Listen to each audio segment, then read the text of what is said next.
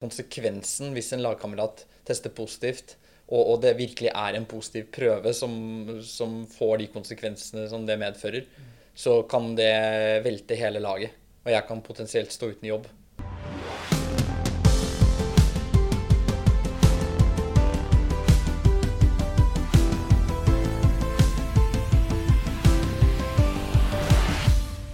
Er snart ti år siden den tidligere norske proffsyklisten Steffen Kjærgaard innrømte dopingbruk. Og Kjærgaard han sykla sammen med Lance Armstrong på starten av 2000-tallet og var på verdens beste lag. Et lag som òg dreiv med omfattende og systematisk doping, og vi veit at de langt fra var de eneste. Men vi veit òg at det har skjedd mye med antidopingarbeidet i sykkelsporten siden det. Og hvordan merker egentlig en internasjonal toppsyklist det i 2021? Kan en fortsatt slippe unna dopingjegerne og jukse seg til topps, eller er konsekvensene nå for store for at en tør det?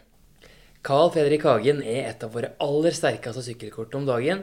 I 2019 tok han tidenes beste plassering av en nordmann i en Grand Tour, med åttendeplass i Vuelta Spania, som er da et av de tre største etapperittene i uh, sykkelsporten. Og han er en helt spesiell utøver på mange måter, vil jeg si. Det er stort å ha deg på besøk, Carl Fredrik Hagen. Velkommen til Antidopingpodden. Tusen takk. Kjempehyggelig å være her. Du er jo en av utøverne i Norge som trener absolutt mest, eh, tror jeg. 1250 timer i året har jeg hørt rykter om. Du har tid til å stikke innom i programmet ditt? Ja, da måtte jo finne tid til det. Så istedenfor å stå og stampe i køen på Ringveien, så er det jo koseligere å sitte her og prate litt. Så det her finner vi tid til, vet du. Det er veldig bra. Du eh, må jo kanskje ha hatt din tyngste sesong som, eh, som, idrettsutøver i år. og Et voldsomt velt i, i, mars da, i tidlig 2021 førte til en stygg skulderskade og lang opptrening eh, siden det. Eh, og du rakk jo ikke noen av årets høydepunkt, da, kan man vel si. OL gikk fløyten, og disse store torene mista du. Og da du endelig kom tilbake så, til de siste ritta for året, så ble du litt sjuk òg. Åssen er ståa nå i slutten av oktober? Nei, ståa er jo at jeg ser tilbake på um, et rimelig trøblete 2021. Det ble jo langt ifra sånn som jeg hadde håpet. Um, det meste skyldes jo noe jeg ikke kan kontrollere selv. Eh, den skulderskaden eh, som jeg pådro meg når jeg velta i starten av mars, når jeg var ute på treningstur alene langs eh, Gjersjøen og traff et hull i veien og krasja i autovernet og stupte over. Og mm, den skulderskaden jeg fikk der, den var såpass komplisert, og operasjonen var såpass komplisert at uh, det tok jo veldig, veldig mange måneder uh, med alternativ trening før jeg kunne begynne å tenke på å sykle rittspesifikk trening igjen. Men uh, ting ja, har gått litt fortere enn hva vi både trodde på forhånd, og hva som man kan forvente selv når man er idrettsutøver og bruker hele døgnet på å rehabilitere. Men jeg eh, kjenner jo fortsatt at det er litt, litt igjen eh, på skulderen. Og vi jobber jo intensivt nå mange ganger i uka for å få skulderen klar til neste år. Og det går jo mye på styrke og bevegelighet. Og jeg kjente jo i løpet Nå fikk jeg tre etappeløp i høst. Jeg begynte med Deutschland Tour i slutten av august, og det var jo nøyaktig fire måneder etter operasjonen. Så det er jo i utgangspunktet Ganske tidlig. Eh, altfor tidlig i forhold til en sånn type operasjon. Man snakker jo om at det er en seks til åtte måneder før man i det hele tatt kan begynne å tenke på å belaste den såpass heftig som et ritt er. da. Mm. Um, så, men det gikk, gikk, jo fint. Og så fikk jeg sykla i Slovakia, og så fikk jeg sykla i Kroatia. Og spesielt i Kroatia så fikk jeg jo også en litt den der godfølelsen igjen på å sykle ritt og være med i teten og være med å kjempe og kjøre finale. Og det er en følelse jeg har savnet veldig. Og det også ga meg jo da plutselig en plass da på Lombardia-laget. Eh, et av de største monumentene man kan kjøre, og kanskje det hardeste klatre-endagsløpet man kan sykle i verden. Og og jeg gleda meg jo veldig til det, da. Og så våkna jeg dessverre dagen før jeg skulle reise med sår hals og tett nese. Og da var det et sånt lite forkjølelsesvirus da, som gjorde at jeg ikke fikk sykla det. Så det var jo litt kjedelig der og da. Jeg var rimelig irritert, men uh, samtidig så Shit happens. Mm. Det er en del av gamet, det òg. For da hadde jo du brukt uh, utallige timer på, på rulla, og du har, du har gått kraftig motbakke på, på mølle, har jeg hørt. og eh, Du har jo en formidabel jobb da, for å komme tilbake. Eh, det er vel ingen, det er ingen snarveier Vi snakker jo om snarveier i Antidop i Norge. Det er ingen snarveier til toppen, tilbake til toppen heller. Nei, det er ikke det. Det er eh, ingen snarveier hvis du skal komme tilbake igjen på et høyt nivå etter skade. Og det er heller ikke noe snarveier å ta hvis du er på et høyt nivå og ønsker å kjempe om gode resultater. Det, generelt i livet så funker det veldig dårlig med snarveier, har jeg erfart. Og det ser man jo gang på gang også. Godt poeng. Eh, men når du har brukt de, de timene på, på, rulla og på mølla i disse, denne, denne tida her, så har du kanskje drømt om eh, en, eh, å kjøre en Tour de France kanskje neste år? Eh, helt riktig. det har jeg drømt om. Jeg eh, har det som et eh, veldig klart mål neste år. At jeg har, ingen, du har ingen garanti for å bli tatt ut på laget til Tour de France, men jeg skal ikke legge skjul på at det er én ting som er hovedmålet mitt neste år, og det er at jeg skal være med på det laget som starter i København i starten av juli neste sommer. Det er målet. Vi må jo ta litt av bakgrunnen din da, før vi går løs på, på antidoping-delen av uh, episoden. Du er jo 30 eh, år blitt, akkurat som meg, født i 1991. Mm. Mm. Uh, men så kom du ikke inn i internasjonal sykkelsport på alvor før i 2019, da når du signerte for uh, profflaget Lotto Sodal. Og i likhet med Hedda Hynne, da, som vi hadde på besøk i forrige episode, så starta du ikke med sykkel før du var i 20-åra? Det stemmer. Jeg starta veldig sent. Litt uh, utradisjonelt. Allikevel så er du på aller høyeste nivå og lever av idretten uh, din nå. Det er nok flere enn meg som syns det er ganske oppsiktsvekkende vei du har hatt. Ja, det er klart det, det er ikke til å legge skjul på det. At uh, veien til der vi er i dag, er jo um, veldig utradisjonell. Mm. Og du kan vel si at det er en, et resultat av sinnssykt mange tilfeldigheter. Det er egentlig bare tilfeldigheter hele veien. Og jeg har vært innom mange idretter også. Stort sett eh, alt av kondisjonsidretter også, som er i hvert fall eh, store i Norge. Og ja, jeg føler at jeg har fått et veldig bra grunnlag og en bra base fra alle de miljøene jeg har vært innom. Og så endte det jo til slutt med den idretten hvor vi kanskje så at jeg hadde størst talent til slutt. Det virker som et veldig bra valg. Karl Fredrik, eh, jeg har et fast spørsmål i antidopingpoden, og det er hva er det første du tenker på når jeg sier ordet doping? Da tenker jeg på eh, rett og slett lureri. Kriminalitet. Det er det jeg tenker på. Det, du går på kriminalitet, ja. Mm. Hva legger du i det? Nei, jeg legger jo i at eh, doping er uh, Bortsett fra noen få, få tilfeller hvor eh, folk har vært uheldige, så, så er det jo reinspikka juks og fanteri. Og folk som ønsker å, å Ja, de prøver å ta snarveier. Og prøver å skape sin egen suksess og tjene store pengesummer på å gjøre det på lovlig måte. Og det er sånn som du finner i samfunnet for øvrig, i alle instanser der hvor du kan tjene store penger eh, eller drive business. At eh, det finnes kjeltringer, og det finnes folk som ønsker å jukse. Og driver du med doping og idrett, så, så spiller du med i hvert fall ikke rene kort. Du jukser. Og det, det på, på toppidrettsnivå så er det kriminalitet. Men sykkelsporten eh, det er jo ikke til å legge skjul på det at det er en idrett som har hatt sine svin eh, på skogen opp igjennom. Vi kan jo nevne Festina-skandalen i 1999, Operasjon Puerto, alt rundt eh, Lance Armstrong. Det er mange navn å ta av. 60 av 70 topplasseringer i Tour de France mellom 1999 og 2005 var tilknytta doping. Dette var jo lenge før de tid som rytter, men som meg så var du kanskje en ung sportsidiot som fulgte med hjemme i, i sofaen. Husker du noe fra den tida der?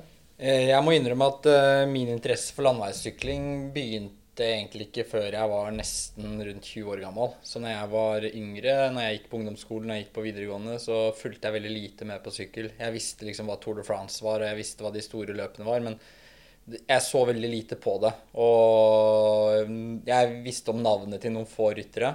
Um, typisk Lance Armstrong, som alle hadde hørt om. Mm. Men eh, vi kan vel si at eh, jeg kan være glad i den dag i dag, da. At jeg ikke var så stor sykkelfan, at jeg hadde store for forbilder. Og så opp til eh, mange av de gutta der. For jeg hadde egentlig ikke noe forhold til dem. Men det er klart at man fikk jo med seg at det var mye doping. Men det var litt sånn sykkel og bloddoping og fusk og sånn. Det var jo noe som bare var synonymt. Eh, heldigvis så har det skjedd en del siden den tiden der. Mm. For som ung sykkelrytter da, eh, med helter som eh, gang på gang blir avslørt, så kunne det ha påvirka interessen litt? Det er klart at eh, det er jo aldri positivt med, med, så mye skandaler for en idrett med tanke på rekruttering. Og skandaler bidrar jo, det bidrar jo bare til negativ omtale. Det bidrar til sponsorsvikt. Mm. Det igjen bidrar til dårligere økonomi for lag. Kanskje lag må legges ned. Lavere budsjett dårligere, dårlig sportslig opplegg. Mm. Eh, så det baller bare på seg. Eh, heldigvis så, så, er det jo eh, Sykkelsporten har tatt et oppgjør med, med fortiden sin.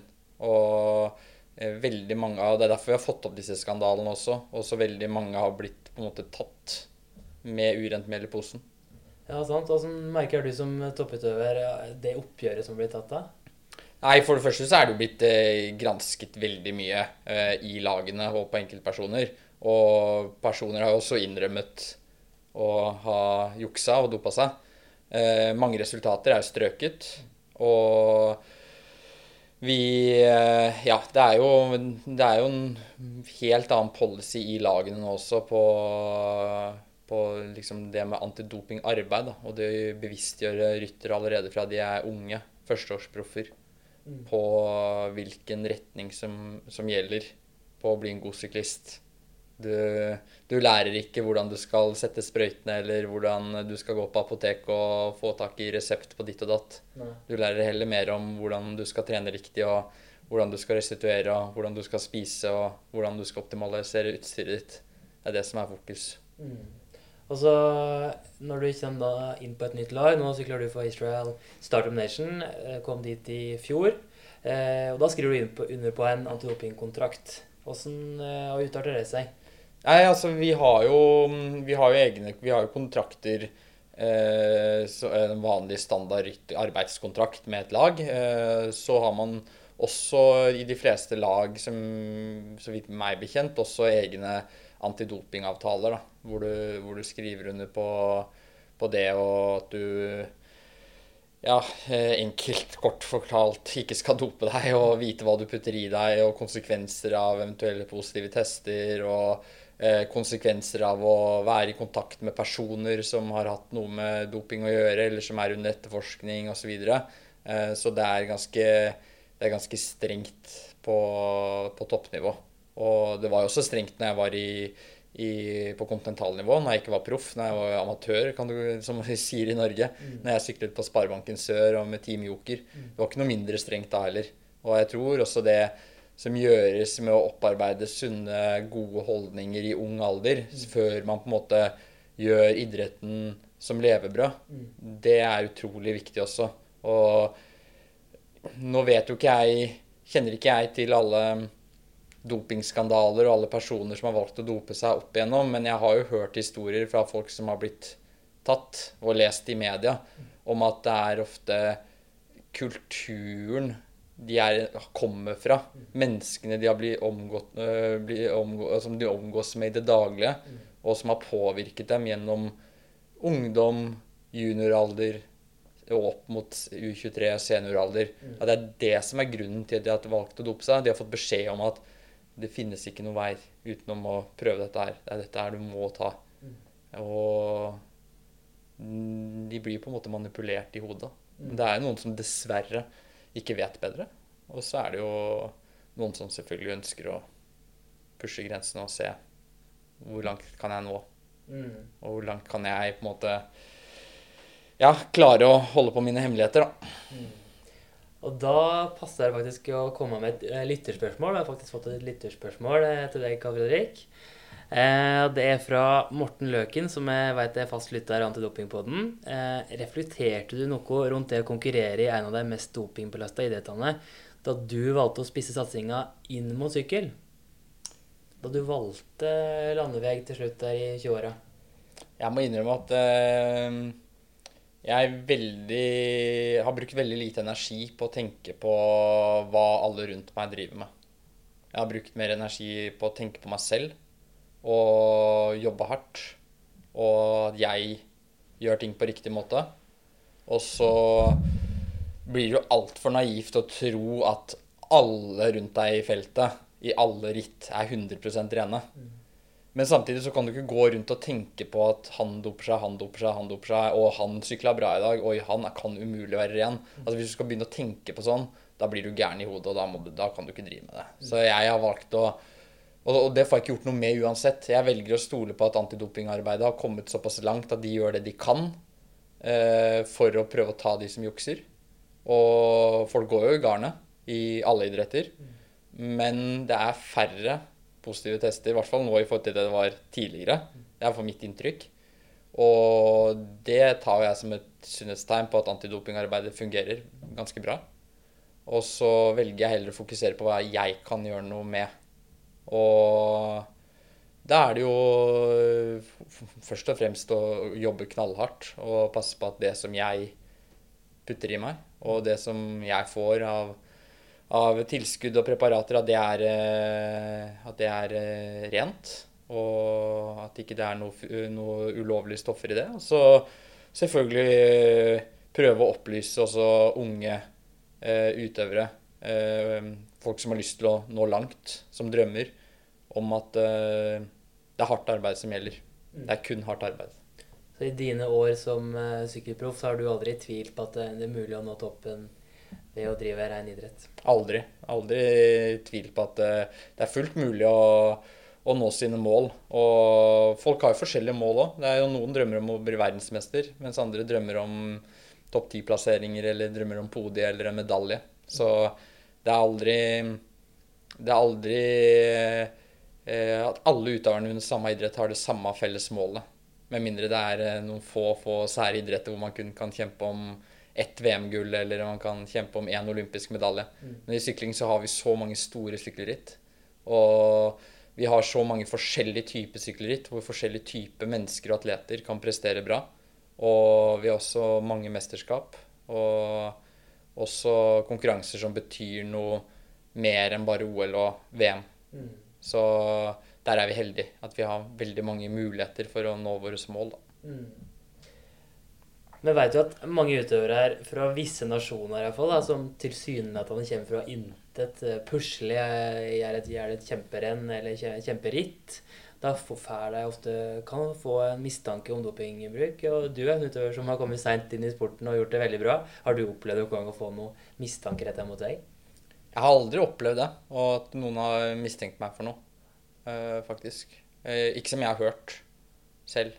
Så det er jo Eh, jeg er glad for å slippe å ha det, den mistanken der. Mm. Men uh, om det er folk som har tenkt inni seg, så er det jo ikke unaturlig at uh, når du ser liksom folk som starter kjempesent, eller Altså, det er litt sånn Ja, det er jo ikke Altså, det er jo ikke helt feil om, om man hadde tenkt i banen heller, på en måte. Men uh, jeg er veldig glad for at jeg aldri har fått noen sånne mistanker rettet mot meg. Og jeg har jo en konkurrent som også har gått litt sånn samme bane som meg, men som er på enda høyere nivå enn det jeg er. Mm. Og Primoz Roglic ja. på, på, Jumbo Visma. Han var gammel jo skihopper. gammel skihopper. Hoppa over 200 meter i Planica mm. og starta med sykkel også veldig sent.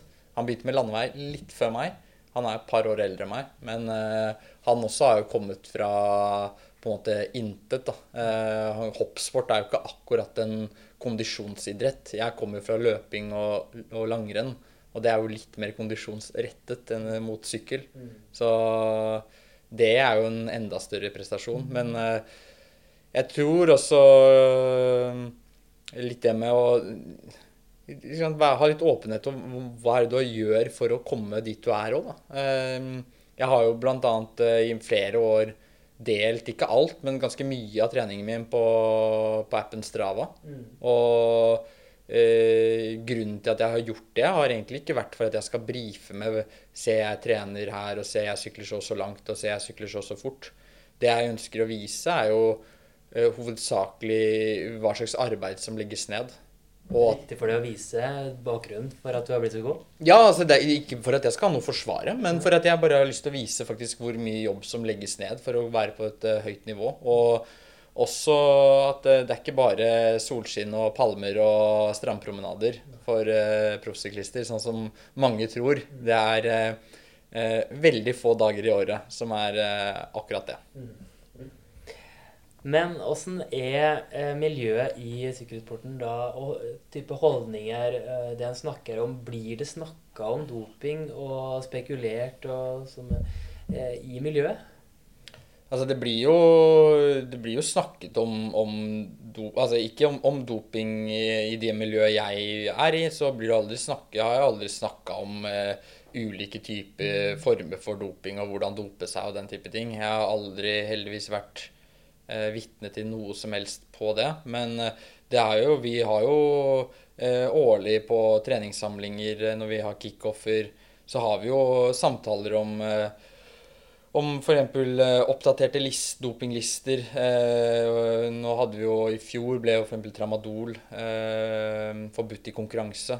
Og, og, at vi blir opplyst av legene over nyeste på reglement. Og at uh, man passer på at de utøverne som har astma, de utøverne som har andre uh, sykdommer, at, som trenger spesialmedisiner, at de får søkt om tue, at de har riktig papir i orden, at det er oppdatert på alt mulig rart. Da, både til nasjonale antidopingbyråer, men også til uh, eh, UCI og, og WADA. Så det er sånn det er, det er, mange ting som skal være koordinert. Det er en del logistikk, da. Og, og det er viktig å ha papirene i orden, selv om man på en måte har rent mel i posen. Mm. Og vi tar jo også e-læringsprogram og frisker opp kunnskap og ja, passer på at man er oppdatert på, på, det siste. Sånn som man leser nyheter på, på nettaviser, så må man også være oppdatert på det nyeste på hva gjelder medikamenter og, og dopingmidler. Mm.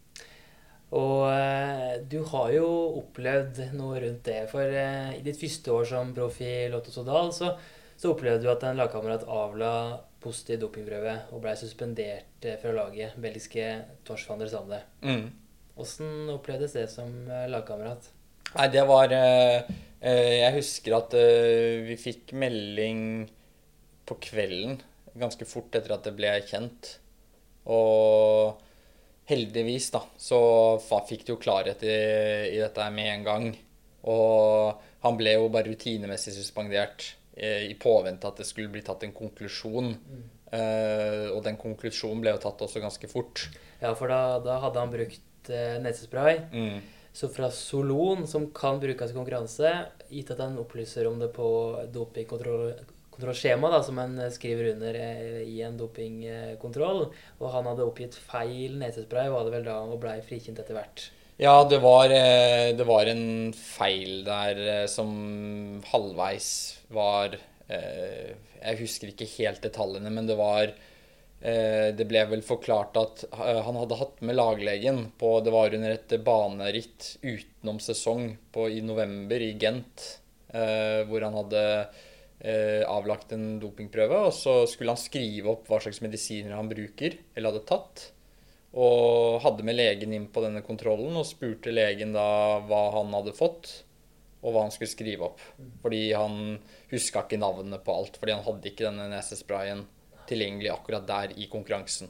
Men Hvordan kjentes det at en lagkamerat fikk det på seg? Og det gikk jo bra, men det, det, går vel litt tanker i det da, når, når en sånn ting skjer? Ja, det, det var en sånn derre Du fikk en sånn klump i magen med en gang. En sånn skikkelig klump i magen. Det var litt Jeg følte liksom beskrivelsen sånn som jeg, jeg så utdrag fra boken til Marit Bjørgen.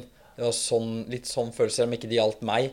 Så samtidig så gjaldt det jo litt meg, fordi jeg vet jo konsekvensen hvis en lagkamerat tester positivt og, og, det virkelig er en positiv prøve som, som, får de konsekvensene som det medfører, så kan det velte hele laget. Og jeg kan potensielt stå uten jobb. Og skade ryktet ditt at du har sykla på et lag med Ja, doping. det er helt klart. Altså, du vil jo aldri eh, ha ditt navn assosiert med doping. Du vil ha ditt navn kanskje assosiert med antidoping og forebyggende arbeid. Eh, men å ha, liksom, være knyttet til et, en dopingsak i laget, og det går rykter på at her har det foregått et annet i lag over tid. Sånt nå er det, det er jo marerittet. Mm. kanskje ekstra spesielt som sykkelrytter. Du sykler for et, eh, et privatlag, et profesjonelt lag, eh, som er arbeidsgiveren din, og plutselig kan sponsor trekke det ut.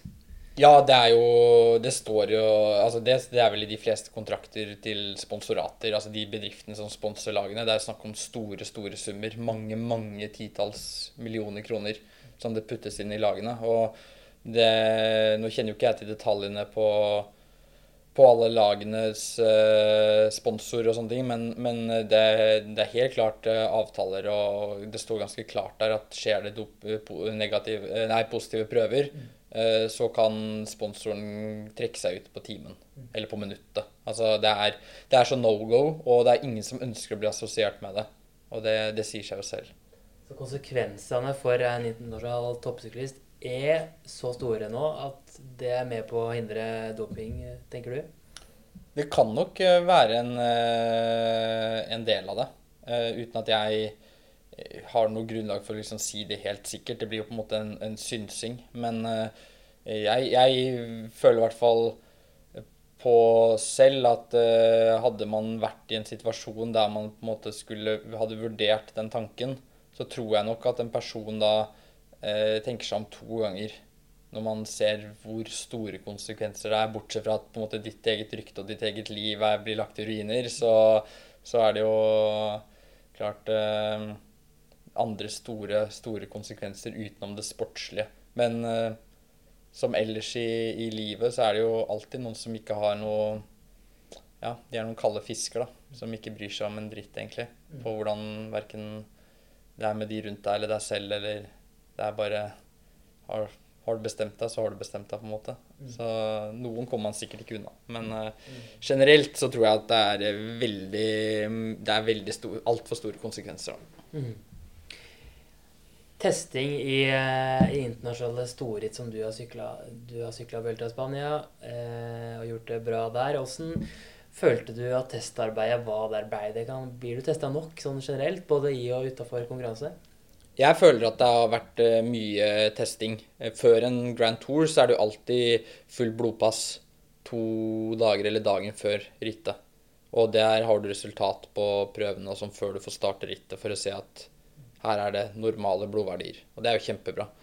Så er det litt eh, varierende hvor mye in competition testing det er. Klart, Presterer du bra, så er det mer testing enn hvis du bare er listefyll. Men eh, jeg har jo vært på løp hvor jeg har blitt testa mange ganger i løpet av et ritt, og jeg har også vært på løp hvor jeg ikke har blitt testa. Det varierer jo litt, men det er jo alltid antidoping eh, Det er jo alltid dopingkontrollører, selv i mindre løp også. Mm. Og du har fått internasjonalt besøk eh, i Norge her?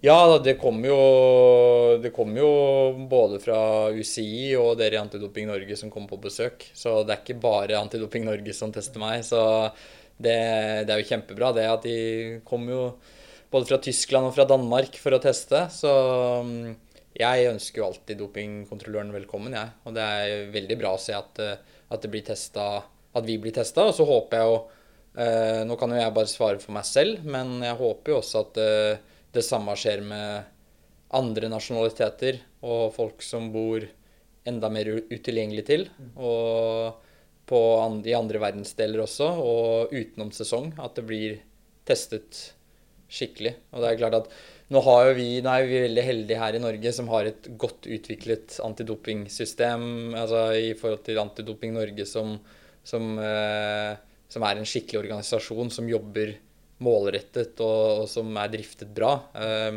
så er det dessverre sånn at eh, ikke alle land har slike antidopingorganisasjoner, byråer, eh, oppe og går. Og det er jo kanskje noe av det som felles antidopingarbeidet har, har liksom noe å strekke seg etter. da, Å få det worldwide. Mm.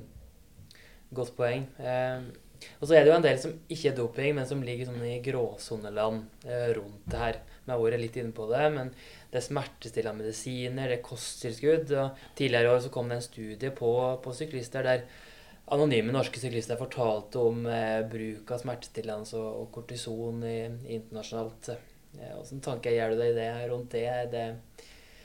det? er sikkert noe som er viktig for deg å, å passe på?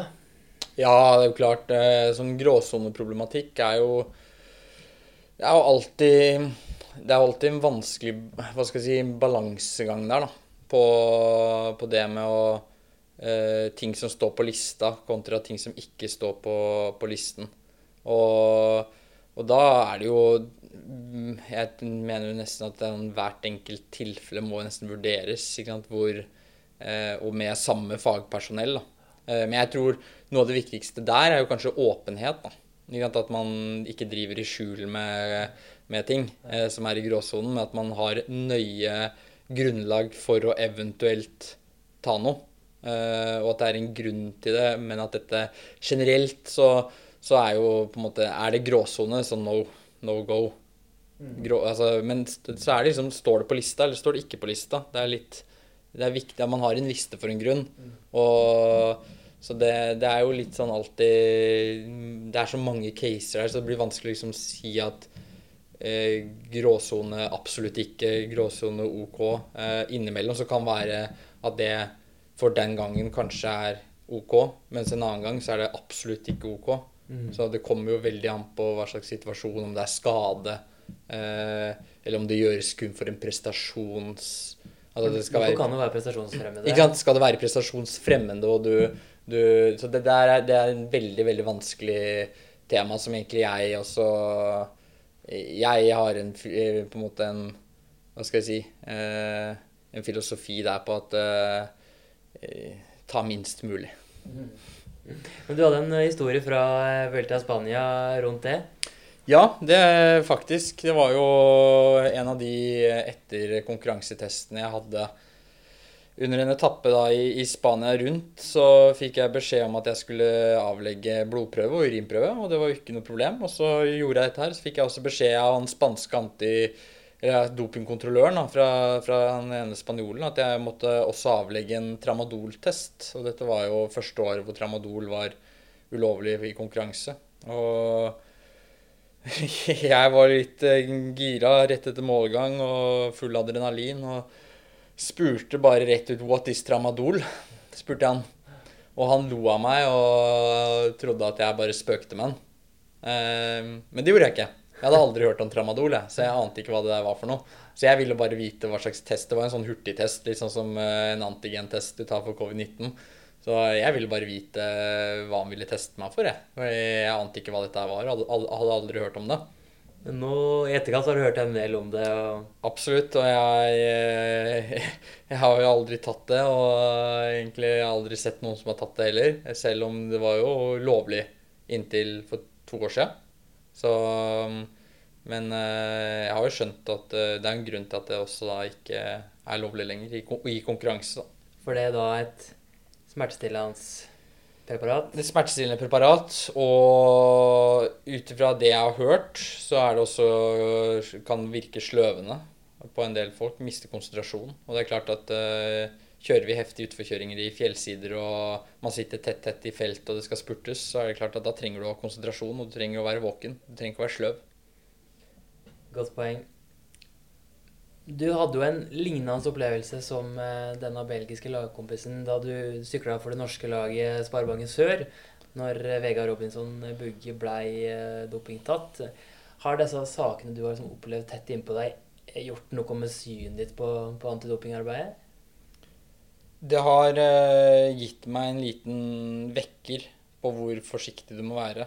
Og uh, hvor viktig det også er å ha dokumentasjon og papirer i orden hvis du trenger fritak.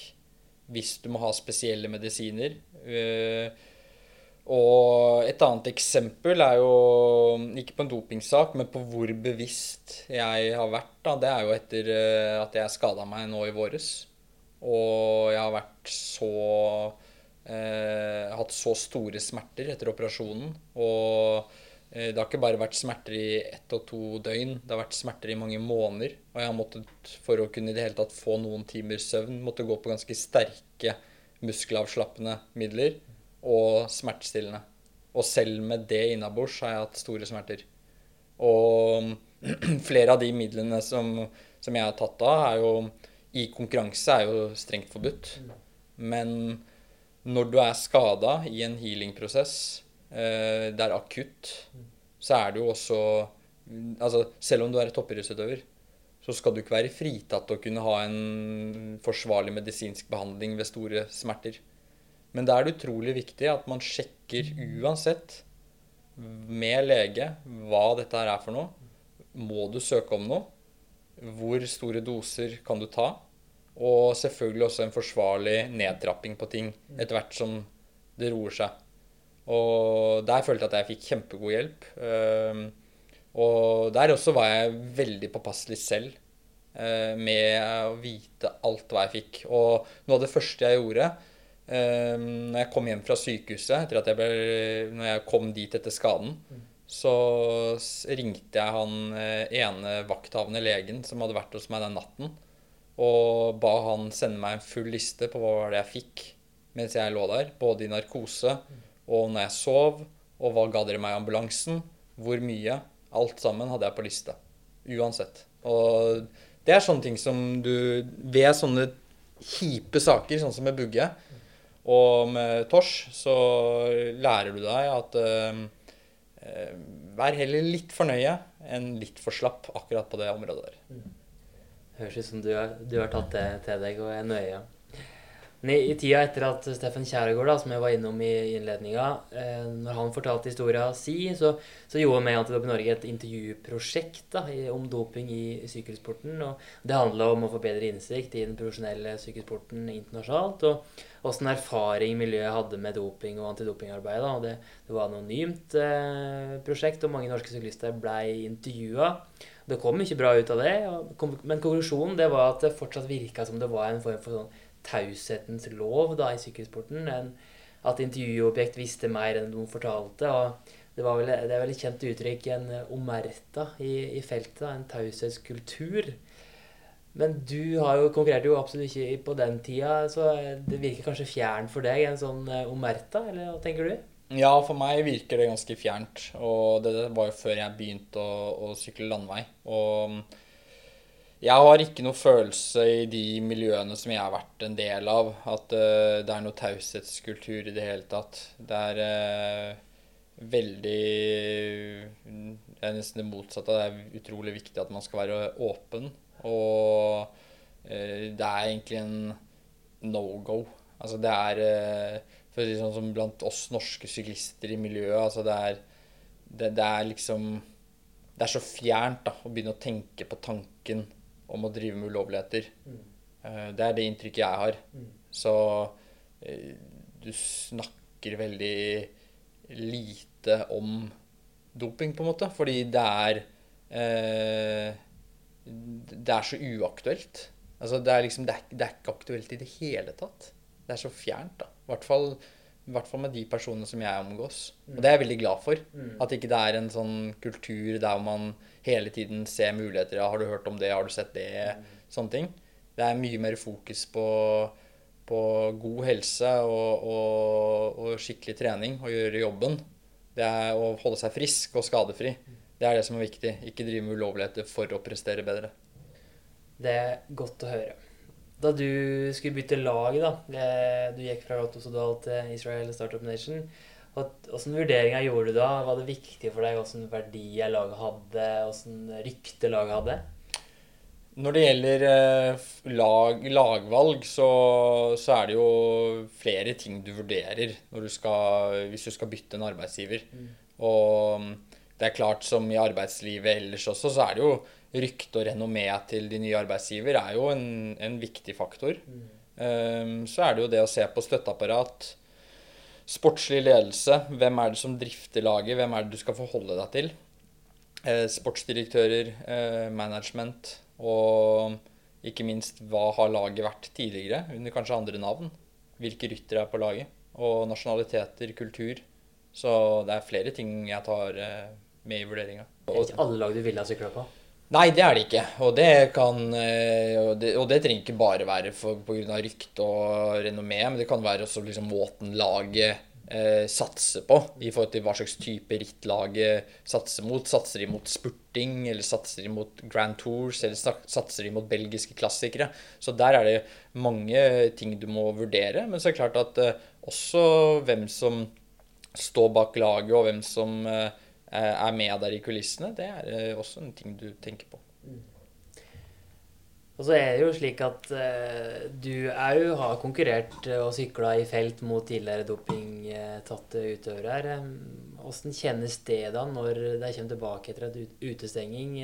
Tenker en da at sona, straffa sona, så da er alt greit?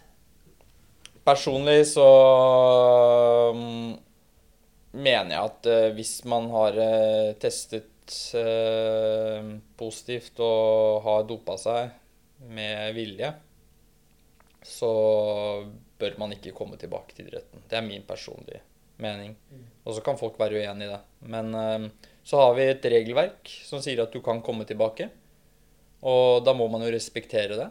Uh, reglene er der. Det kan ikke jeg få gjort noe med, og det bruker jeg heller ikke noe energi på. Men jeg er ikke den som står foran på startstreken og applauderer tidligere dopingtatte ryttere som kommer trillende til start. Det er jeg ikke. Men jeg er heller ikke den som går bort og sier at du er ikke velkommen hit. Det er på en måte Jeg blander meg ikke inn i det der. Det er andre som får styre det. Men, men det er klart at uh, jeg hadde, hvis jeg skulle stemt for et strengere eh, straffesystem på dopingtatte utøvere, så hadde jeg klart stemt for strengere straff enn det som er i dag. Vi skal ta med et uh, lytterspørsmål til. Han har lurer på mye, Morten. Uh, hvor viktig er høydetreninga for en syklist som hevder seg i et treukersritt? Uh, har mye høydetrening, og da i, i, det igjen tanker om høydehus, som nå har blitt, uh, blitt lovlig da, for, for, en del norske utøvere. Hva er relevant det for en syklist? Du vil jo sikkert heller ut og rulle i fine omgivelser i, i Alpen enn å sitte på rulla i et høydehus? Helt klart. Ikke tvil om det. Og Egentlig et uh, veldig bra spørsmål, relevant. Og jeg kan jo si såpass at uh, jeg har uttalt meg tidligere om dette med høydehus og høydetelt. Og uh, det er ikke slik at selv om det har blitt lovlig nå i Norge, så skal man liksom bruke det for alt det er verdt. Og første man gjør nå, første uka det har blitt lovlig, er å liksom installere høydetelt. Det er ikke det vi snakker om. Vi snakker mer om at vi har et ønske om å kunne ha like premisser som andre nasjoner. Og at det har blitt litt sånn dobbeltmoralsk at vi skal forby kunstig simulering av høyde og lite oksygen, mens oppå Olympiatoppen så sitter vi og ja, har det vondt inne i varmekammer med kunstig simulering av luftfuktighet og temperatur. Og der har ikke jeg helt sett den store forskjellen. Um, så, men det er klart at er du en etapperytter og skal, er avhengig av både høy terskelvatt og høyt oteopptak og, og, og, god arbeidsøkonomi, så er høydetrening, hvis du gjør det på riktig måte, eh, med riktige folk rundt deg, til riktige tider, noe som du kan dra godt nytte av. Mm. Jeg har ikke veldig mye erfaring med høyde, men jeg har vært i høyden noen ganger. Og hatt relativt god erfaring de få gangene jeg har vært der.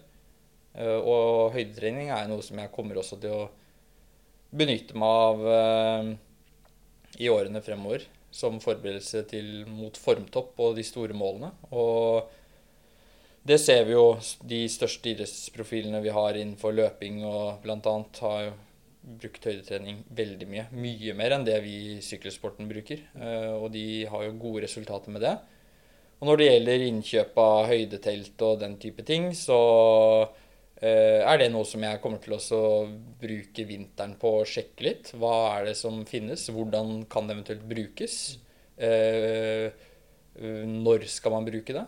Og fordeler ulemper med å ha det. Altså du må hele tida Det er fordeler og ulemper. Det er klart at Jeg snakka med lagkamerater og tidligere lagkamerater som bruker høydetelt, og sier at uh, det må, du må tenke gjennom det. fordi det er ikke bare sånn at du bare legger deg i et høydetelt, og så vips, så skjer det mirakler. Mm. Um, du får jo også dårligere søvnkvalitet. Det er varmt, det er klamt. Uh, restitusjonen går tregere. Du får trent kanskje mindre eller dårligere i dagene etterpå. Det er mange ting du må veie opp mot hva som er viktig for deg. da. Og For noen så kan kanskje høydetelt være bra. For andre kan kanskje høydetelt være det stikk motsatte. Men det at vi har muligheten hvert til å være, ha like vilkår som andre nasjoner, som de vi konkurrerer med, når ikke det er forbudt av Det internasjonale dopingforbundet, så, så er i hvert fall det er vi et steg nærmere i hvert fall likhet. da.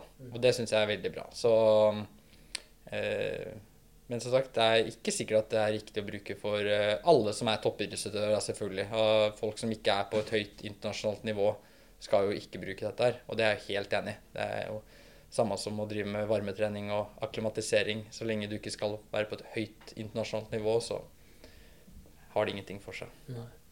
Vi skal begynne å runde av, Karl Fredrik, men uh, vi hører litt uh, til slutt. Og det er jo et vanskelig spørsmål, så klart. Men når du forhåpentligvis da sykler Tour de France neste juli og jakter topplasseringer der, vil jeg tro, enten for deg eller for andre på laget ditt, og er trygg kan, Er du da at, du, at de rette vinnerne står på pallen på, på Champs-Élysées til slutt? Jeg velger å tro at uh, antidopingarbeid og dopingkontrollørene gjør det de kan for å teste flest mulig, uh, hyppigst mulig. Og at uh, de som står på start der, er Altså det det er vanskelig å, å, tro at absolutt alle skal være 100% rene. Men uh, det er ikke noe jeg bruker, kommer til å bruke energi på. Uh, men jeg velger å tro at, at de som jeg konkurrerer mot, er, uh, er, testet og har negative prøver. Og inntil det motsatte er bevist, så er alle rene. Så noen vil kanskje si at det er naivt, andre ikke. Um, men å bruke energi på noe som du ikke på en måte kan få gjort så veldig mye med, det, det gir meg ikke så veldig mye. Så eh, jeg skal i hvert fall først og fremst fokusere på, på, meg og gjøre det jeg kan for å være best mulig rustet til å få muligheten til å sykle der.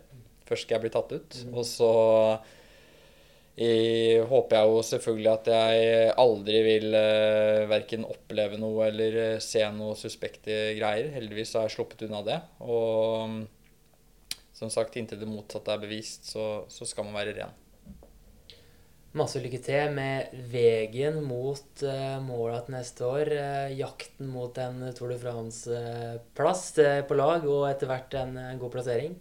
Takk for at du tok deg tid til å være med i Antidopingpodden, Karl Fredrik Hagen. Tusen takk. Kjempehyggelig å være her.